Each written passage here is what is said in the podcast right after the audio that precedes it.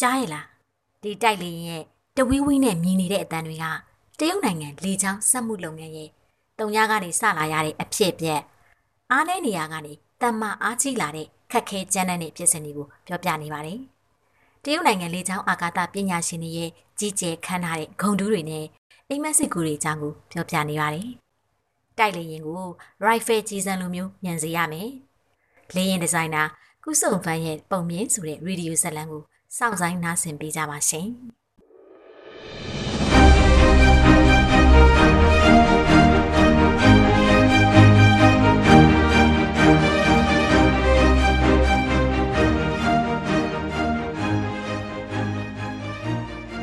1969ခုနှစ်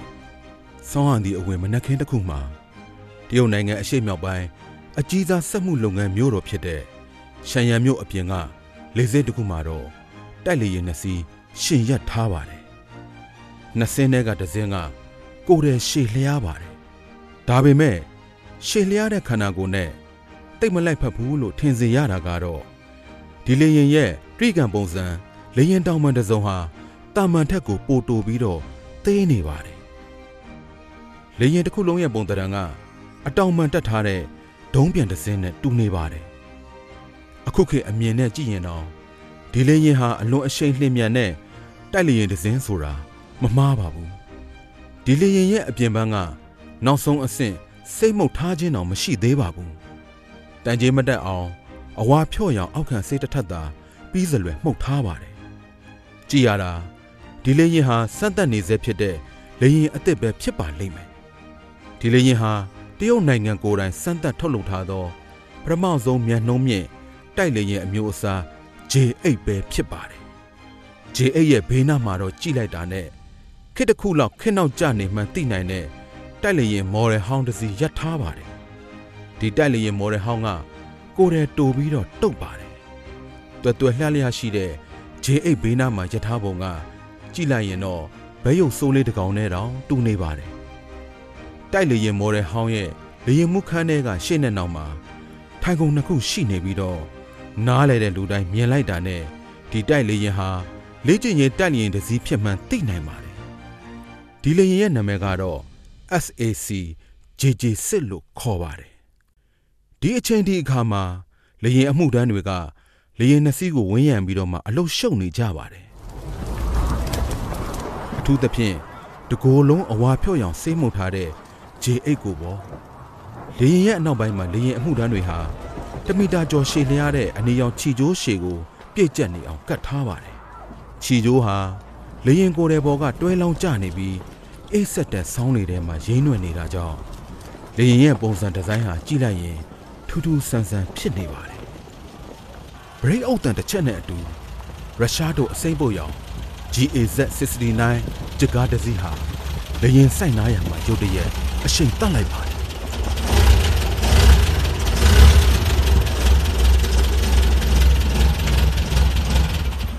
ကားရဲ့ရှေ့တကားပွင့်လာပြီးတော့မှကားပေါ်ကနေတရေနဲ့ချုပ်ထားတဲ့လေရင်မှုဝစ်စုံဝစ်စင်ထားတဲ့လေရင်မှု၃ယောက်ခုံဆင်းလာပါတော့တယ်လေရင်မှုတူကဒီဇိုင်းအသစ်ဖြစ်တဲ့အဖြူရောင်လေရင်အုတ်ထုတ်တစ်လုံးကိုစောင်းထားပြီးတော့ကားပေါ်ကဆင်းမိတာနဲ့ J8 တိုက်လေရင်ရှိရာကိုခြေလှမ်းတွတ်တွတ်ရှောက်လာပါတယ်။ကျန်တဲ့လေရင်မှုနှစ်ယောက်ဟာလည်းသူ့နောက်ကလိုက်လာနေပါတယ်။သူတို့ဆောင်းထားတာကတော့ဒီဇိုင်းဟောင်းဖြစ်တဲ့တရေချုပ်လေရင်အုတ်ထုတ်ပါ။ သူတို့နှစ်ယောက်ကစကားပြောရင်းနဲ့လမ်းလျှောက်လာတာကြောင့်နောက်မှကြံရင်နေခဲ့ကြပါတယ်။သူတို့တွေကလေရင်မှုတစ်ယောက်ကအသက်အရွယ်ကြီးရင်နေပြီးဖြစ်မှန်သိတာပါတယ်။ညနာကပရေတွန့်နေပြီးတော့နှာတံပေါ်မှာတော့အဝဲမုံမျက်မှန်တစ်လက်ကိုတတ်ထားပါတယ်။လေဘဲမှာတော့အတော်အတန်ဝိရှိပြီးတော့အနှဲငယ်လေးလံတဲ့ frame camera တစ်လုံးနဲ့အဝေးကြည့်မှန်ပြောင်းတစ်ခုကိုဆွဲထားပါတယ်။အလင်းပညာရပ်ဆိုင်ရာ professional ကိရိယာနှစ်ခုကိုလည်းလေဘဲပေါ်မှာချိတ်ဆွဲထားရတာဟာ တိတ်မတက်တာတဲ့ပုံပေါ်နေမှသိတာတာကြောင့်အဲ့ဒီလူရဲ့ကြောကုန်းဟာအနှဲငယ်ကုန်းလို့နေပါတယ်။အဲ့ဒီလူဟာခန္ဓာကိုယ်အနေထားအရာရောဟမ်းမှတ်အမူအရာပဲဖြစ်ဖြစ်အဝဲမုံမျက်မှန်ကြောင်ပဲဖြစ်ဖြစ်သူဝစ်ထားတဲ့လျင်မှုဝတ်စုံနဲ့မလိုက်မဖက်ဖြစ်နေပါတယ်။တေချာကြည့်လိုက်ရင်တော့သူဝစ်ထားတဲ့လျင်မှုဝတ်စုံသူများစီကငှောက်ဝစ်ထားတဲ့အတိုင်းပါပဲ။သူ့ကိုယ်ပေါ်မှာဝစ်ထားပုံကဖောင်းပွားပြီးတော့ဝတ်တုံနေတယ်လို့ခံစားရပါတယ်။ သူ့ဘေးနားမှာလမ်းလျှောက်နေတဲ့လေရင်မှုကိုပြန်ကြည့်လိုက်တော့အိမ်ရီအမူအရာကတိတ်မတူပါဘူးနောက်လူကခန္ဓာကိုယ်တောင့်နေပြီးတော့မှခြေလှမ်းတွက်လက်ပါတယ်ပုံးဘက်ရာတွေနဲ့တိတာတဲ့လေရင်မှုဝတ်စုံကလည်းသူ့ကိုယ်ပေါ်မှာအသားကတ်နေသလိုပါပဲသူ့ကိုကြည့်လိုက်ရင်လမ်းဆန်းတက်ကြွတဲ့အမူအရာနဲ့လိုက်ဖက်ညီနေပြီးတော့မှဝိုင်းရင်ကြီးဆိုတာမျက်နာနဲ့သိနိုင်ပါတယ်အဲ့ဒီလူဟာလေရင်အစမ်းမောင်းသူလူမင်တုံးပါလန်ကူ အခုနောက်ပြန်ဆုံးမိရည်နော်ဒီတစ်ခါတော့ခမလက်လျှော့လိုက်တာကောင်းမယ်ထင်တယ်ကျုပ်တို့လေအစမ်းမောင်းလူကဒီအလုံးနဲ့ပတ်စံရှာကြတာတက်ကူဖက်နဲ့ထုတ်ထားတာရိုးနေပြီခမကျုပ်တို့နဲ့မတူဘူးခမအဓိကတာဝန်ယူတဲ့အလုပ်ကလက်ထောက်ဒီဇိုင်နာဂျုပ်ပြခမတခုဖြစ်သွားရင် JX ကိုဘယ်လိုဆက်လုပ်မှာလဲပြီးတော့ခမခန္ဓာကိုယ်သေးသေးလေးနဲ့ဒီလောက်ဒုက္ခခံနိုင်ပါမလား လောင်ကူးလို့ခေါ်ခံရတဲ့ဒီလူကြီးက J8 တိုက်နေရင်ရဲ့လက်ထောက်ဒီဇိုင်နာချုပ်ကုစုံဖမ်းမယ်ဖြစ်ပါတယ်လောင်ကူကျုပ်ကိုကြောက်ပြီးမစီးရတော့မပြောစမ်းပါနဲ့ဗျာတကယ်သာတခြားနီလာနဲ့ဖြေရှင်းလို့ရရင်ကျုပ်လည်းဒီလိုဘယ်လုပ်ပါမလဲခမရစိတ်ချပါလေရင်ပေါ်ရောက်ရင်ခမရကိုကျုပ်လုံးဝဒုက္ခမပေးဘူးဒီစကားကိုပြောနေချိန်မှာပဲသူတို့နှစ်ယောက်ဟာကြည်ကြည်စစ်လေရင်ရဲ့လေရင်မော်တက်ဖို့လေကလေးအောက်ကိုရောက်နေပါပြီ လေရင်အစမ်းမောင်းသူလောင်လူကခြေလှမ်းရက်လိုက်ပြီးတော့သူ့နောက်ကလောင်ကူကိုတကိုယ်လုံးတေချာကြည့်လိုက်ပါတယ်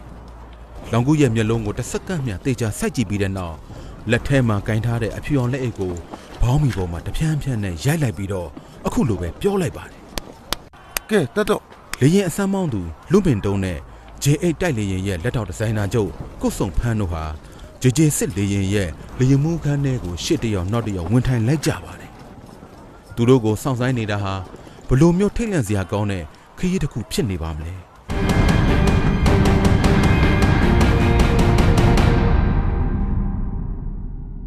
ခုဆုံပန်းဟာ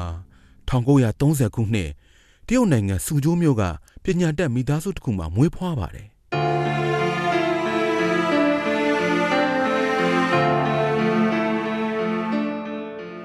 သူ့နာမည်ဟာလွန်ခဲ့သောနှစ်ပေါင်း1900ကျော်တုန်းက တရုတ်ပြည်ရဲ့စာပေပညာရှင်ကြီးလူကြီးရေးသားသော Wan Fu Easy of Literature တဲကစကားတစ်ခွန်းကနေယူမှတ်ထားတာပါကုဆုံဖန်းမွေးနှစ်ထဲမှာသူ့အဖေကုထင်လုံဟာရှန်ဟိုင်းမြို့ချစ်ကျစ်တက္ကသိုလ်မှာကျောင်းပြီးပြီးတော့ Bachelor Degree ဘွဲ့ရထားတာမကြသေးပါဘူးကုထင်လုံဟာနောက်ပိုင်းမှာတော့တရုတ်နိုင်ငံကနာမည်ကျော်ကြားတဲ့ရှေးဟောင်းစာပေထုတ်ဝေမှုပညာရှင်ကျမ်းစာပြုစုသောပညာရှင်နဲ့လက်ရည်လှပညာရှင်ဖြစ်လာခဲ့ပါတယ်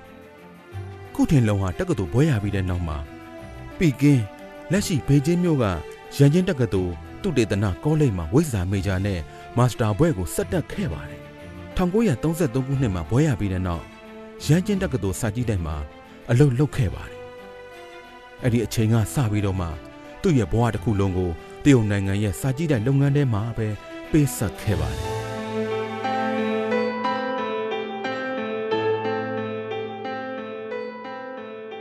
ကုစုံပန်းဟာသူ့မိခင်ရဲ့သူ့အကိုရဲ့နဲ့အတူဖခင်နောက်ကိုလိုက်ပြီးတော့မှစူကြိုးဇာတိကထွက်လာကပီကင်းမြို့မှာလာရောက်နေထိုင်ခဲ့ပါတယ်။ဖခင်အနာမှာအမြဲကြားမြင်သိမြင်ခဲ့တာကြောင့်ကုစုံဖန်းဟာငငယ်တဲကစာဖတ်ဝါဒနာပါခဲ့ပုံရပါတယ်။ကုထင်လုံးဟာပညာတတ်တစ်ယောက်အနေနဲ့ရန်ချင်းတက္ကသိုလ်မှာအဲ့ဒီအချိန်တုန်းကလူတိုင်းအားကြရလောက်တဲ့အလောက်ကန်တစ်ခုရှိနေခဲ့ပါတယ်။အဲဒါကြောင့်ကုစုံဖန်းတို့မိသားစုဟာ ထိုအချိန်ကပီကင်းမြို့ပေါ်မှာဇိမ်ကြကြနဲ့နေထိုင်နိုင်ခဲ့ပါတယ်။ဒါပေမဲ့ဒီလိုအေဂျင့်တဲ့ဘောဟာမကြခင်မှာပဲဂျပန်ကျူးကျော်စစ်တပ်ရဲ့တနက်အမြောက်တွေကြောင့်ပျက်စီးသွားခဲ့ရပါတော့တယ်။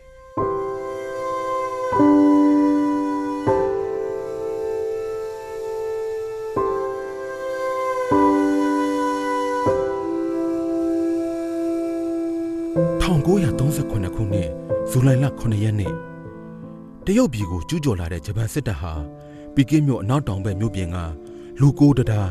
မာကိုပိုလိုတဒါဘော်ကနေတရုတ်စစ်တပ်ကိုရုတ်တရက်အလစ်ဝင်တိုက်ခိုက်လာပြီးတော့ပြည်တွင်းပြည်ပအားလုံးအံ့ဩတုန်လှုပ်သွားစေတဲ့လူကိုတဒါတိုက်ပွဲကိုစတင်ခဲ့ပါတယ်။ထိုအချိန်ကကွန်မန်ဒန်အစိုးရဟာအခြေအနေသုံးသပ်မှုမှာတက်တက်ဆင်အောင်လွဲမှားသွားခဲ့ပါတယ်။ ဆွေးနွေးညှိနှိုင်းမှုနဲ့အန်ရကိုဖြည့်ရှင်းနိုင်မယ်လို့ခလေးဆန်တဲ့အတွေးနဲ့မျှော်လင့်ခဲ့တဲ့အပြင်ဂျပန်စစ်တပ်ကတရုတ်နိုင်ငံကိုတပြည်လုံးကျူးကျော်တိုက်ခိုက်လာမှာမဟုတ်ဘူးလို့ထင်မြင်ယူဆခဲ့ကြပါတယ်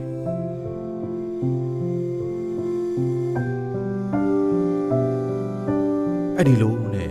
ဇူလိုင်လ9ရက်နေ့နောက်ပိုင်းလင်း9ရက်ထဲမှာတရုတ်နဲ့ဂျပန်နှစ်နိုင်ငံရဲ့စစ်တပ်ဟာစစ်ဖြစ်လိုက်ဆွေးနွေးလိုက်နဲ့ကြော်ဖြတ်ခဲ့ကြပါတယ်ဇူလိုင်လ17ရက်နေ့ညမှာတော့ တရုတ်နဲ့ဂျပန်နှစ်နိုင်ငံဟာအပြစ်အခတ်ရက်စက်ရေးသဘောတူညီချက်ကိုလက်မှတ်ရေးထိုးခဲ့ကြပါတယ်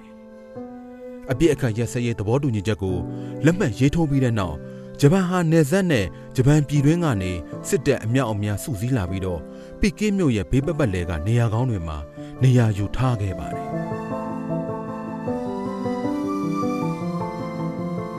ပီကင်းကာကွယ်ရေးကိုတာဝန်ယူထားတဲ့တရုတ်ပြည်ကတပ်မ29ဟာ အပြစ်အကရက်စဲရဲ့လိန်ညာမှုကိုယုံကြည်ခဲ့ပြီးတော့လှုပ်ရှားမှုနောက်ကျသွားတာကြောင့်အခွင့်အရေးကောင်ဆုံးရှုံးခဲ့ရပြီးတော့ဂျပန်စစ်တပ်ကမြို့ဝင်သိမ်းမှုနေရာချထားမှုတွေကိုဒီအတိုင်းလက်ပတ်ကြည့်နေခဲ့ရပါတယ်ဒီအချိန်မှာပီကင်းမြို့တွင်းမှာလူတွေဟာတုံ့လုံခြောက်ချားနေကြပါပြီလမ်းမကြီးလမ်းသွယ်တွေကအစအရင်လိုစူညံစီကားခြင်းမရှိတော့ပါဘူး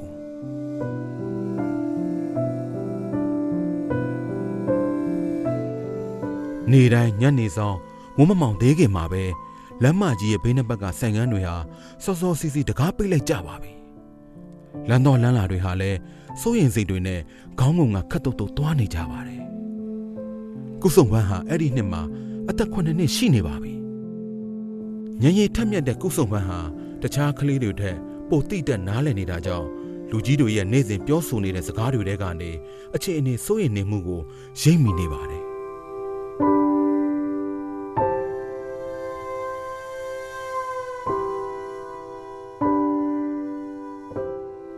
ဇူလိုင်လလကုံရဲ့ညနေဆောင်တစ်ခုမှာအနောက်ဘက်တွေနေဝင်စပြုတ်နေပါပြီဒီအချိန်ဟာပီကင်းရဲ့နှစ်တစ်နှစ်အတွင်းမှာအပူအိုက်ဆုံးရာသီချိန်ပဲဖြစ်ပါတယ်ပရစ်တွေဟာတပင်ပေါ်မှာကြဲကြဲလောင်လောင်နဲ့អော်နေကြသေးပါ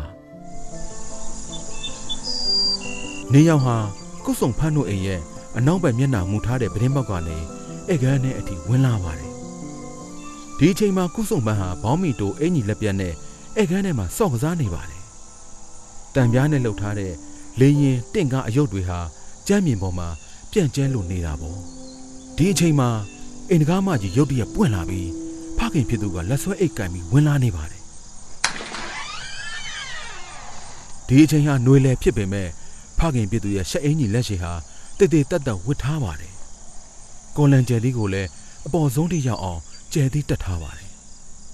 အရင်ကဆိုသူ့ကိုမြင်တာနဲ့ ခါကုံပြီးတော့ပွေ့ဖက်တာမျိုးလှုပ်လက်ရှိတဲ့အဖေဟာဒီနေ့မှတော့တခြားလူတယောက်လိုပြောင်းလဲနေပါတယ်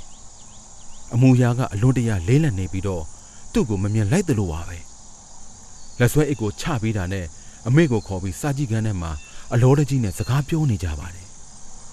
စာကြည့်ကန်းတကာပွင့်နေတာကြောင့်ကုစုံပန်းဟာတတိထားပြီးတော့နားထောင်တာမဟုတ်ပေမဲ့လည်းမိဘတွေပြောနေတဲ့စကားဟာသူ့နားထဲကိုဝင်လာပါတော့တယ်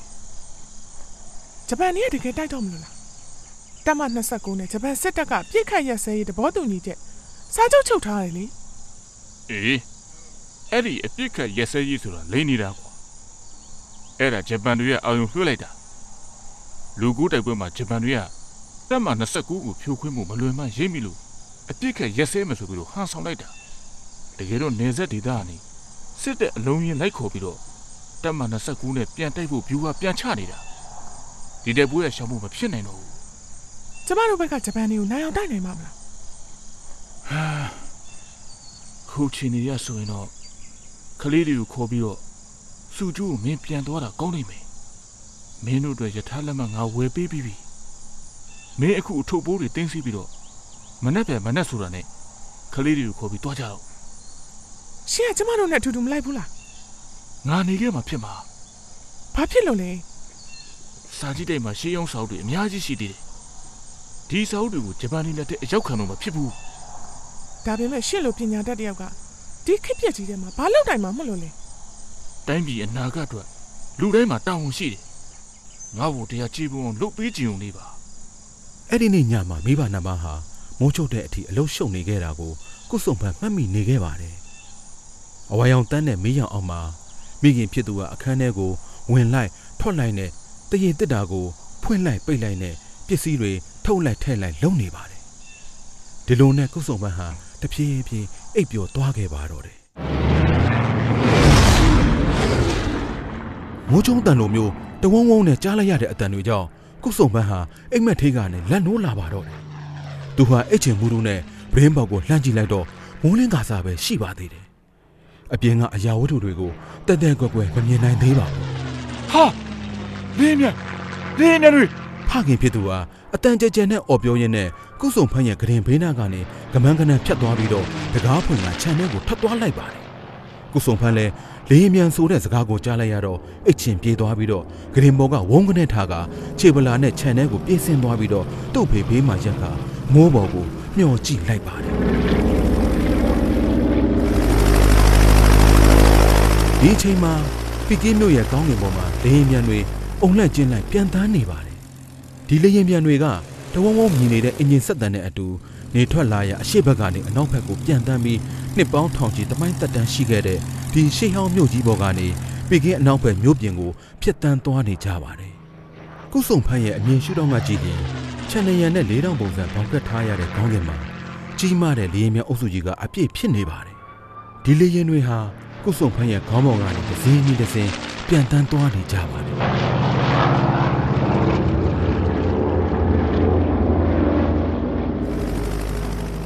ကျဲလောင်တဲ့အင်ဂျင်ဆက်တန်ကြောင့်ရင်းပေါက်မှန်တွေဟာတဝုံဝုံနဲ့အတန်မြည်နေတာကြောင့်လူကိုမွန်းကျက်သွားစေတယ်လို့မျိုးခံစားစေမိပါတယ်ဖေးအဲ့ဒါတမ29ရဲ့လေးတွေလားအဲ့ဒါအဖေဟာလေရင်ကိုအတန်ကြာအောင်တေချာကြည့်လိုက်ပြီးတော့ လေရင်တောင်ပန်ပေါ်မှာအနေရောင်နေလုံးအမှတ်အသားစိတ်တုပ်ထားတာကိုမြင်လိုက်ရတော့ခေါင်းငုံကနာကျင်မှုအပြည့်ရှိတဲ့လေတံနဲ့ပြောလိုက်ပါတယ်အေးအဲ့ဒါတွေအကုန်လုံးဟာဂျပန်တို့ရဲ့လေရင်မြန်မဲတာတတိမထားမိချိန်မှာပဲအမေနဲ့အကိုပါခြံဝင်းထဲကိုရောက်လာကြတယ်မိသားစု၄ယောက်လုံးဟာကောင်းငင်အပြည့်ဖြစ်နေတဲ့လေရင်ပြန်တွေကိုကြည့်ရင်းနဲ့မှင်သက်နေမိကြပါတော့တယ်ကောင်းငင်ဘော်ကနေထူးဆန်းတဲ့လေချွန်တန်တစ်မျိုးရုတ်တရက်ကြားလိုက်ရပြီးတော့ကုစုံပန်းဟာအဝေးကလေရင်ပြန်ရဲ့ဝမ်းမိုက်အောက်ကနေပြုတ်ကျလာတဲ့အမဲဆန်လေးတွေကိုလှမ်းမြင်မိပါတယ်ဟာရှမ်းသူတွေဘုံကျနေပြီရရဘုံကျ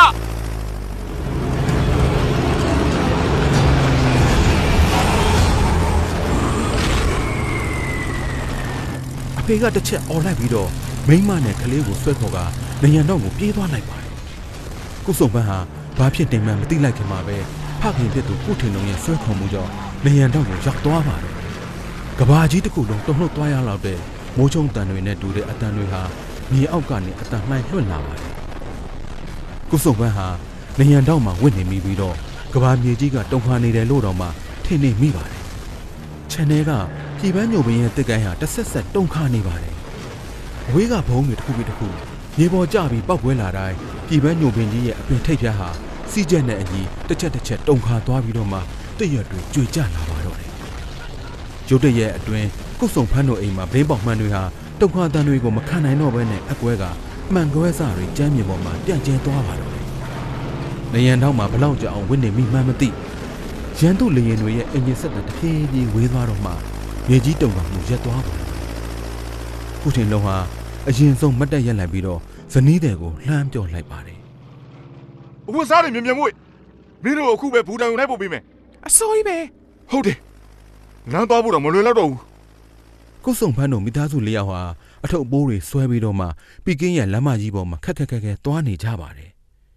အရင်ကဆိုကျယ်ဝင်းတဲ့ကားလမ်းမကြီးမှာဒီနေ့တော့အထုပ်အပိုးတွေတဲပြီးပြေးလွှားနေကြတဲ့လူတွေပြည့်နှံ့နေပါတယ်လူအုပ်ကြီးရဲ့ဥတီချက်ကတယောက်နဲ့တယောက်မတူကြပါဘူး နေရအနှံ့ကလာနေကြတဲ့လူတွေကြောင့်ငကိုတဲကတိတ်မကျင်လှတဲ့လမ်းမဟာပိုကျက်ပိတ်လာပါတော့တယ်ခုတင်လုံးဟာခဲရခဲစင်းနဲ့လမ်းကြားတစ်စီးကိုခေါ်လာနိုင်ခဲ့ပါတယ်အမေကကုတ်ဆုံဖန်းကိုခြီးပြီးတော့လှဲပေါ်ထိုင်လိုက်ခဲ့ပါတယ်ကုထင်လုံးနဲ့တားကြီးကတော့လမ်းလျှောက်ပြီးတွားနေကြပါတယ်။ဒီလိုနဲ့သူတို့မိသားစုဟာယထာဘူရာယုံကိုခက်ခက်ခဲခဲနဲ့ရောက်လာခဲ့ပါတော့တယ်။ဒါပေမဲ့တိုက်ပွဲတန်ကြောင့်ယထာတန်လန်ပျက်စီးသွားခဲ့တဲ့အတွက်ခီးစဉ်အားလုံးကို ဖျက်သိမ်းလိုက်တယ်လို့သိခဲ့ရပါတော့တယ်။မတက်တာတဲ့အဆုံးကုထင်လုံးဟာမိသားစုဝင်တွေကိုခေါ်ပြီးတော့မှနောက်ကျောပြန်လှည့်လိုက်ရပါတယ်။သူကလမ်းသွားရင်းနဲ့သတင်းတွေမေးမြန်းခဲ့ပြီးနောက်ဆုံးမှာတော့လမ်းသွားလမ်းလာတယောက်စီကနေတိုက်ပွဲအခြေအနေကိုအကြံပေးသိခဲ့ရပါတော့တယ်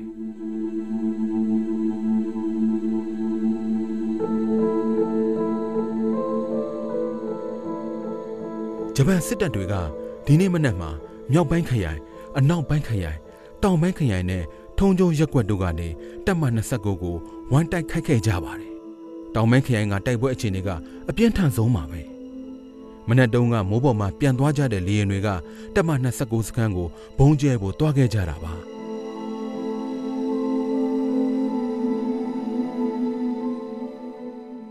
နှစ်ပေါင်းများစွာကြာပြီးတဲ့တိုင်အောင်ကုစုံပန်းဟာအဲ့ဒီနေ့ရဲ့ရက်စွဲကိုမှတ်မိနေတော့မှာပဲ1938ခုနှစ် ဇူလိုင်လ28ရက်နေ့တောင်ပိုင်းခရိုင်တိတ်မိုက်ခံရတာပါအဲ့ဒီနေ့ဟာကုစုံဖမ်းရဲ့ဘဝမှာလေရင်မြတ်အစ်စ်ကိုပထမဦးဆုံးမြင်တွေ့ခဲ့ရတဲ့နေ့လည်းဖြစ်ပါတယ်